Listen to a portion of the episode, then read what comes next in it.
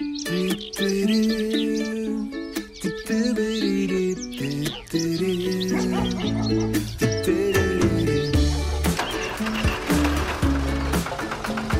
setve do žetve. Oddaja o kmetijstvu programov Radia Slovenija. Od setve do žetve. Cenjene poslušalke, spoštovani poslušalci, prisrčno pozdravljeni. Maj se počasi preveša v drugo polovico, ozračje je že do dobra segreto in kmetijske površine kličejo po vodi. Kmetje pa po ukrepih odgovornih v državi za blaženje posledic vse višjih cen nafte in ostalih energentov. Ta spirala se še kako odraža tudi v cenovnih nesorazmerjih, ki pestijo kmetijsko proizvodnjo in pridelavo. Več o tem v nadaljevanju, v tem uvodnem delu pa samo še priporočilo Kmetijskega inštituta Slovenije, da je mogoče z učinkovito rabo živinskih gnojil znatno zmanjšati potrebe po mineralnih gnojilih. Ob upoštevanju zdajšnjih cen dušika v mineralnih gnojilih lahko z dobrimi praksami zmanjšamo stroške nakupa mineralnih gnojil za približno 85 evrov na moznico na leto, trdi stroka. Finance in ekonomika. Tudi kmetje bijajo plat zvona zaradi podivjanih nesorazmeri med vhodnimi stroški pridelave, odkupnimi in maloprodajnimi cenami. Od nove vlade pričakujejo nadaljno regulacijo cen nafte in njenih derivatov, prav tako pričakujejo oziroma kar zahtevajo oprostitev plačila trošarin za energente, ki jih uporabljajo za kmetijsko proizvodnjo. A težav ne povzroča samo nafta, ampak tudi odkupne cene kmetijskih pridelkov, ki ne dosegajo podivjanih vhodnih cen, poudarja predsednik Kmetijsko-gozdarske zbornice Slovenije Roman Žveglič. Samo za primer, mineralna gnojila 250%, fitofarmacija, krma ali krmne mešance, predvsem to, kar se uporablja v perutnini, v pršičereji in seveda tudi v govodoreji, ampak sicer v manjšem obsegu. Ne. Krma v perutnini je šla gor za 100%. Jajca so se dvignila od tam 5 do 10%, nekje malo več. Zelo visok porast stroškov je v pridelavi zelenjave. Približno za 60% so se stroški kmetom dvignili. In kolikor se ta razmerja v verigi med odkupno ceno, se pravi od njive do trgovske police, ne bodo uredila, mi bomo naslednje leto imeli veliko, veliko manj hektarjev posijanih z zelenjavo. Dodaja Žveglič in pričakuje pomoč vlade. Če hočemo, da se bo kmetijstvo obdržalo, če si želimo, da imamo ne samo prehransko varnost, kajti prehransko varnost lahko dobimo tudi z uvozom iz tujine, vendar tudi ta ne bo poceni, razen tistih, bom rekel, artiklov, ki so tam nekje že pred rokom ali pa so ciljno in po dampiških cenah pridejo v Sloveniji, se pravi, moramo te stvari urediti. Zelenjadar Srečko Kofol. Jaz vam povem, da zadnji mesec imam občutek, da delam samo še za, za gorivo, ker mi porabimo dosti goriva, ker smo vsak dan na nivi, razvažamo pridelke okoli. Dobesedno samo tankamo, zato ko prej smo tankali za 30 evrov, si se vozil 3 dni, zdaj, zdaj se ne voziš en dan. Pol greš v trgovino, nabaviti repromaterial, gnojila 100% gor, določena škropiva in herbicidi celo 300% so šla gor. 250-300%. In potem se stranke, ne vem, tudi javni zavodi pričakujejo, da mi dajemo pač naše pridelke po isti ceni, a to ne gre skupaj. Ne? Kaj to pomeni, koliko bi bilo potrebno podražiti, recimo, pridelavo zelenjave? Ma, jaz mislim, vsaj, vsaj 40, 35, 40 odstotkov delamo na tem, da probamo čim več doma, da, da ne najemamo pač tuje, ker smo ugotovili, da če plačamo še najeto delovno silo, je, sploh ne pridemo, delamo zgubo. Ne. Po teh cenah, ki smo jih do zdaj imeli, ne, rečemo lani, predlanskem, ki so bile običajne neke normalne cene prodajne, ne, ki se niso dosti spremenjali zadnjih, rečemo, pet let, ne, uh, mi bi šli globoko v minus ne, s temi cenami repromaterijala in goriva. In, in vlada nekaj tukaj mora ukrepati. Vsaj na gorivu, to trošarino, ko nam jo vrnejo, ne, teh par sto evrov, ko dobimo, uh, vem, mi bi mogli imeti gorivo po ceni, ne vem, naprimer, kukar je energent, korilno olje, naprimer, ne. Aktualna vlada je opozorilom kmetov, avtoprevoznikov in drugih prisluhnila ter v začetku minulega tedna vnovič začasno regulirala cene pogonskih goriv. Na vse zadnje so opozorila povsem na mestu, se kmetijsko-gozdarski zbornici pridružuje državni sekretar na kmetijskem ministrstvu Anton Harej. Razmere v kmetijski pridelavi in prodajni verigi spremljajo in se odzivajo na ugotovljene nepravilnosti, trdi. Ključna skrb Ministrstva za kmetijstvo je, da spremlja in opozarja. Drugače pa uravnavanje cen surovin je pristojnost Ministrstva za gospodarski razvoj in tehnologijo. Oni morajo iskati tudi ukrepe za omilitev eh, skupaj z Ministrstvom za finance. Tako da konkreten predlog, ki so ga podali zdaj na zbornici, je v bistvu še bolj kot stvar Ministrstva za kmetijstvo, stvar Ministrstva za gospodarstvo. Predlog o trošarinah je na mizi in o njem bo potrebno nekaj reči, meni Harej, o cenovnih nesorazmerjih pa. V skrajnih primerjih, vkolikor bi se ogrozila, eh, se pravi, da bi se bistveno povečale cene teh osnovnih živil, potrebnih eh, živil za življenje, potem bi morali eh, iskati rešitve tudi v interventnem zakonu, kot smo ga bili priča v tokratnem energetskem, energetskem zakonu o energentih, ko smo dejansko za kmete namenili 33 milijonov iz, samo z našega resorja, tako da tudi Če bi se uh, situacija nadaljevala, bi mogli tudi iskati rešitve v interventnih zakonih. Koliko je država do zdaj namenila za te ukrepe blaženja posledic tako COVID-a kot uh, zdaj stanja po vojni v Ukrajini? V PKP ukrepih smo namenili za blaženje 27 milijonov, potem dodatnih 4 milijone in pol za svinjerejo, milijon za Eh, čebelarstvo, potem smo imeli ta 150 eh, evrov za kmetijo, ker je kmet čez 65 eh, let kot nek socialni dodatek. Zdaj v zadnjem času še ta 33 milijonski ukrep pri, za energente, tako da smo mi v teh zadnjih dveh letih kar bistveno pomagali sektorju, kar se tudi nekako vendarle poznalo, tudi na potem za lažje okrevanje. Upemo, no, da bo tako ostalo tudi v prihodnje ohranjamo biotsko raznovrstnost. Bliža se svetovni dan čebel, ki ga praznujemo 20. maja. Mi pa se že zdaj nekoliko pomudimo pri tematiki, ki je povezana s temi marljivimi in nepogrešljivimi žuželkami. Na biotehniški šoli Maribor so namreč prejšnjo soboto pripravili 43. državno tekmovanje mladih čebelarjev Slovenije. Sodelovalo je prek 300 otrok iz vse države, spremljalo pa jih je 66 mentorjev. Po pisnem preizkusu so si tekmovalci ogledali šolsko posestvo s sadovnjaki, vinogradi, muzejem, terarijem in še z drugimi zanimivostmi. Šolski čebelarski krožki pa so prejeli gnezdilnice za divje opraševalce.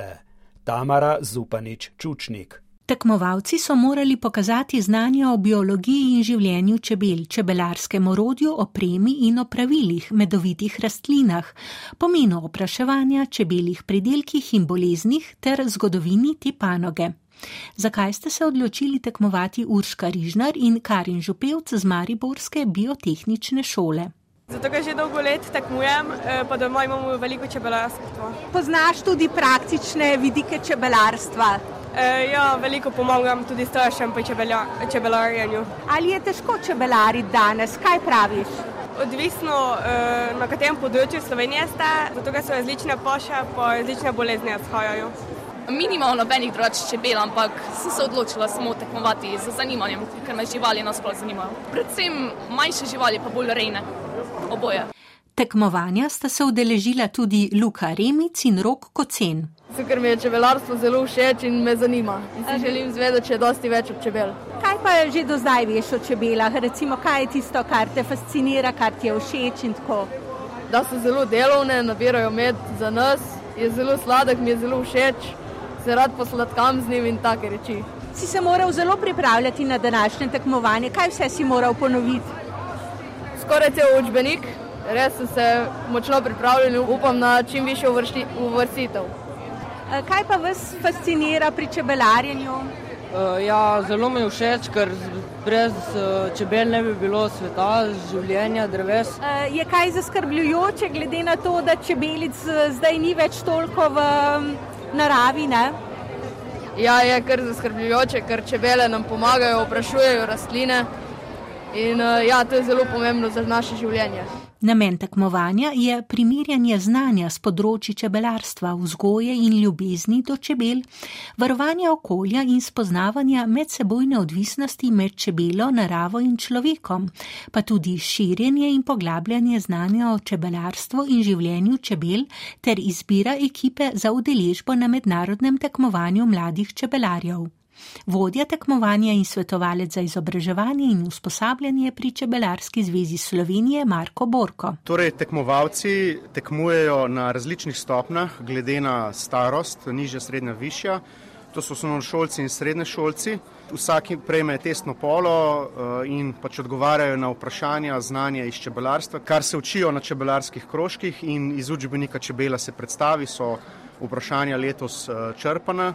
Eh, letos smo skušali nekoliko uh, lažje zastaviti zaradi koronskega obdobja, ko so bili tudi kroški čebelarski v mirovanju in niso imeli enakih pogojev vsi uh, in možnosti za pripravo na tekmovanje. Tako da dajemo letos poudarek uh, na bolj nad srečanju, na druženju, da se ponovno uh, vidimo in si damo motivacije, zagona, spodbude za delovanje za naprej.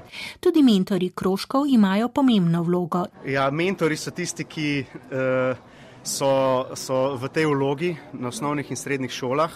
Uh, to so bodi si čebelari, ki imajo smisel za delo z učenci, ali pa učitelji, ki so sami čebelari, ali pa biologi, ki pač poznajo tematiko ne, in imajo veselje uh, do tega uh, vidika. Tako da pač ja, in navdušujejo, in zanimanje po šolah je veliko. Imamo, pred korono smo imeli nekako okoli 180 krožkov po celi Sloveniji, v njej pa nekje 2300 kroškarjev. Tatjana, završnik iz Dramel. Ja, zdaj jaz sem biologinja drugačne, tako da jaz jim veliko stvari z biološkega stališča tudi prikažem, od mikroskopiranja čebel do mikroskopiranja zajedavcev čebel, varoje. Potem si pogledamo uh, tudi uh, vem, splošne, značilne, zgodovinske stvari o čebelarjenju. Imamo srečo, da imamo na čebelarski zvezi toliko ljudi, ki se s tem ukvarjajo in je dostopnega gradiva še in še.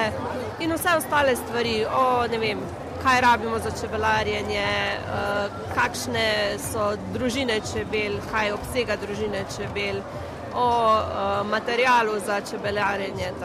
Vseeno. Ali se mladi dovolj zavedajo pomena čebel in varovanja narave? Predsednik Čebelarske zveze Društev Štajerske, Vlado Vogrinec. Mislim, da si je vedno več pridobivajo. Zadnjič me je presenetila ena akcija, mi imamo tudi eno brunarico pod pohorjem, čebelarji in so uh, ti, ti otroci iz, iz vrteca, menda ta najstarejša skupina, tam okrog pobirali smeti in so pri nas odložili polno vrečko smeti in se mi je to dejanje praktično vtisnilo srce in se mi je dopadla taka stvar. Ne. Se pravi, da so mladi ozaveščeni o varovanju narave? Ne? Mladi se ozaveščajo s pomočjo nas starejših, tako bom rekel. Ne moramo jim pomagati in jim pri tem tudi določene stvari pokazati in razložiti. V Čebelarski zvezi Slovenije so veseli, da se za to panogo zanima toliko mladih, ki bodo v naslednjih letih prevzeli skrb za te drobne živali. Strokovni nasvet. Od poznavanja biologije in življenja čebel ter z njimi povezanih znanj in opravil pa na njivske površine. S koruzo je v Vipavski dolini posajenih nekaj prek tisoč hektarjev in stalnica med to kulturo je tudi plevel. Zdaj je pravi čas, da se lotimo njegovega zatiranja. Svetuje Anka Poženel iz Ajdovske enote Kmetijsko-gozdarskega zavoda Nova Gorica. Pomembno je, da se pač zatiranje plevelov lotevamo v integrirano, se pravi v kolobarju, že to je zelo pomembno. Tukaj bi bi predvsem eh, opozorila na strnišča eh, po žetvi žit, da se ne pustijo kar zapleveljena, ampak da se posejo z dosevki, da se s tem prepreči semenenje plevelov. Potem, kar se tiče mehanskih ukrepov zatiranja, seveda skozi poudarjamo to eh, zatiranje tudi kot slepo setev, se pravi, da po oranju pustimo nekaj časa, da pleveli uskalijo in eh, jih potem tik pred eh, pri predsetveni pripravi za setev koruze tudi uničimo in s tem kar precej zmanjšamo število plevelov v posevku. Eh, in poudarila bi seveda mehansko zatiranje tudi v vrstah, ne samo pri ekoloških kmetovalcih, ne, ampak tudi z, za vse konvencionalne pridelovalce je izredno pomembno in koristno orodje medvrstni kultivator oziroma tudi kombiniran z dognojevalcem, ki obdela medvrstni prostor, spodreže plevel in seveda tudi zadela gnojilo. E, tako da je to gotovo nepogrešljiv pri zatiranju plevela e, v koruzi. No, naslednja ukrep, ki pa seveda je več ali manj neizogiben na njivskih površinah pri konvencionalni pridelavi koruze, je pa kemično zatiranje s herbicidi. In tukaj bi pa seveda opozorila eh, predvsem kmetovalce, tako kot vedno, eh, da je potrebno uporabiti predpisan odmerek in seveda v pravi fazi rasti koruze. Ali priporočate uporabo herbicidov bolj pred ali po vzniku koruze? No, že sama delitev herbicidov eh, je glede na čas uporabe tak, da jih lahko uporabljamo pred vznikom koruze ali pa po vzniku. In vsekakor uh, je sodobni trend integriranega varstva pred pleveli teži k temu, da se uh, bolj usmerjeno zatira plevele, se pravi po vzniku, ko že vidimo, kateri pleveli so uskalili in na podlagi tega izberemo primern herbicid s primerno aktivno snovjo. To je en razlog, drugi razlog pa je tudi ta, da so herbicidi, ki delujejo preko tav na kaleče seme plevelov, eh, bolj obstojni v tleh in kot taki tudi okoljsko mogoče manj sprejemljivi. Je pa tudi res, da so tudi nekateri drugi, ki se uporabljajo po vzniku, ravno tako problematični in bodo počasi najbrž šli iz registracije. Na kaj naj bodo kmetje prav posebej pozorni pri uporabi herbicidov in ali pridelovalci kmetije upoštevajo te nasvete priporočila? Pridelovalci gotovo zelo upoštevajo ta priporočila, ker jih seveda vedno opozarjamo tudi na negativne posledice samih, eh, tako za okolje, pa lahko tudi seveda na sami koruzi. Tukaj bi omenila tudi, da upozorim kmetovalce na to, da so nekateri herbicidi imajo tudi kolobarne omejitve, se pravi v opozorilih, v navodilu v uporabi je naveden čas ki mora preteči do setve naslednjih kultur. Pri nekaterih aktivnih snoveh je to lahko problem, posebej tam, kjer so kmetje opustili eh, oranje in eh, imajo potem minimalno obdelavo ta, tako da morajo biti na to pozorni. Jasno, posebno opozorilo velja tudi za tiste, ki ste na vodovarstvenih območjih, ker so tam nekateri eh, herbicidi prepovedani in to seveda tudi v vseh seznamih, ki jih objavljamo, uh, seznamih herbicidov in pripravkov, ne, uh, tudi je posebej navedeno. Tako da na to bi, bi posebej opozorila in mogoče še ena pomembnost.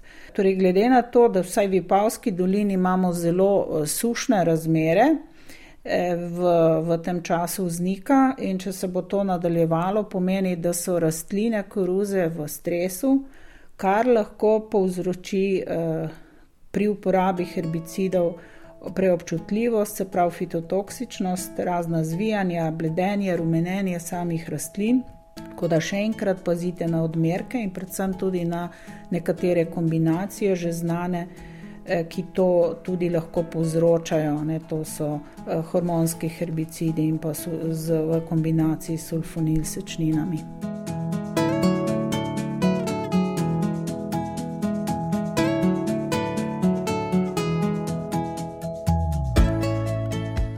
In tako smo današnjo oddajo pripeljali do konca. Spoštovani poslušalci, zahvaljujemo se vam za pozornost. Z vami sva bila novinarski dvojec Tamara Zupanič-Čučnik in Walter Pregel, ki sem oddajo tudi sestavil in povezal. Kljub številnim opravilom na prostem ali kjerkoli drugje, si vzemite čas za uživanje majskega cvetenja in dehtenja.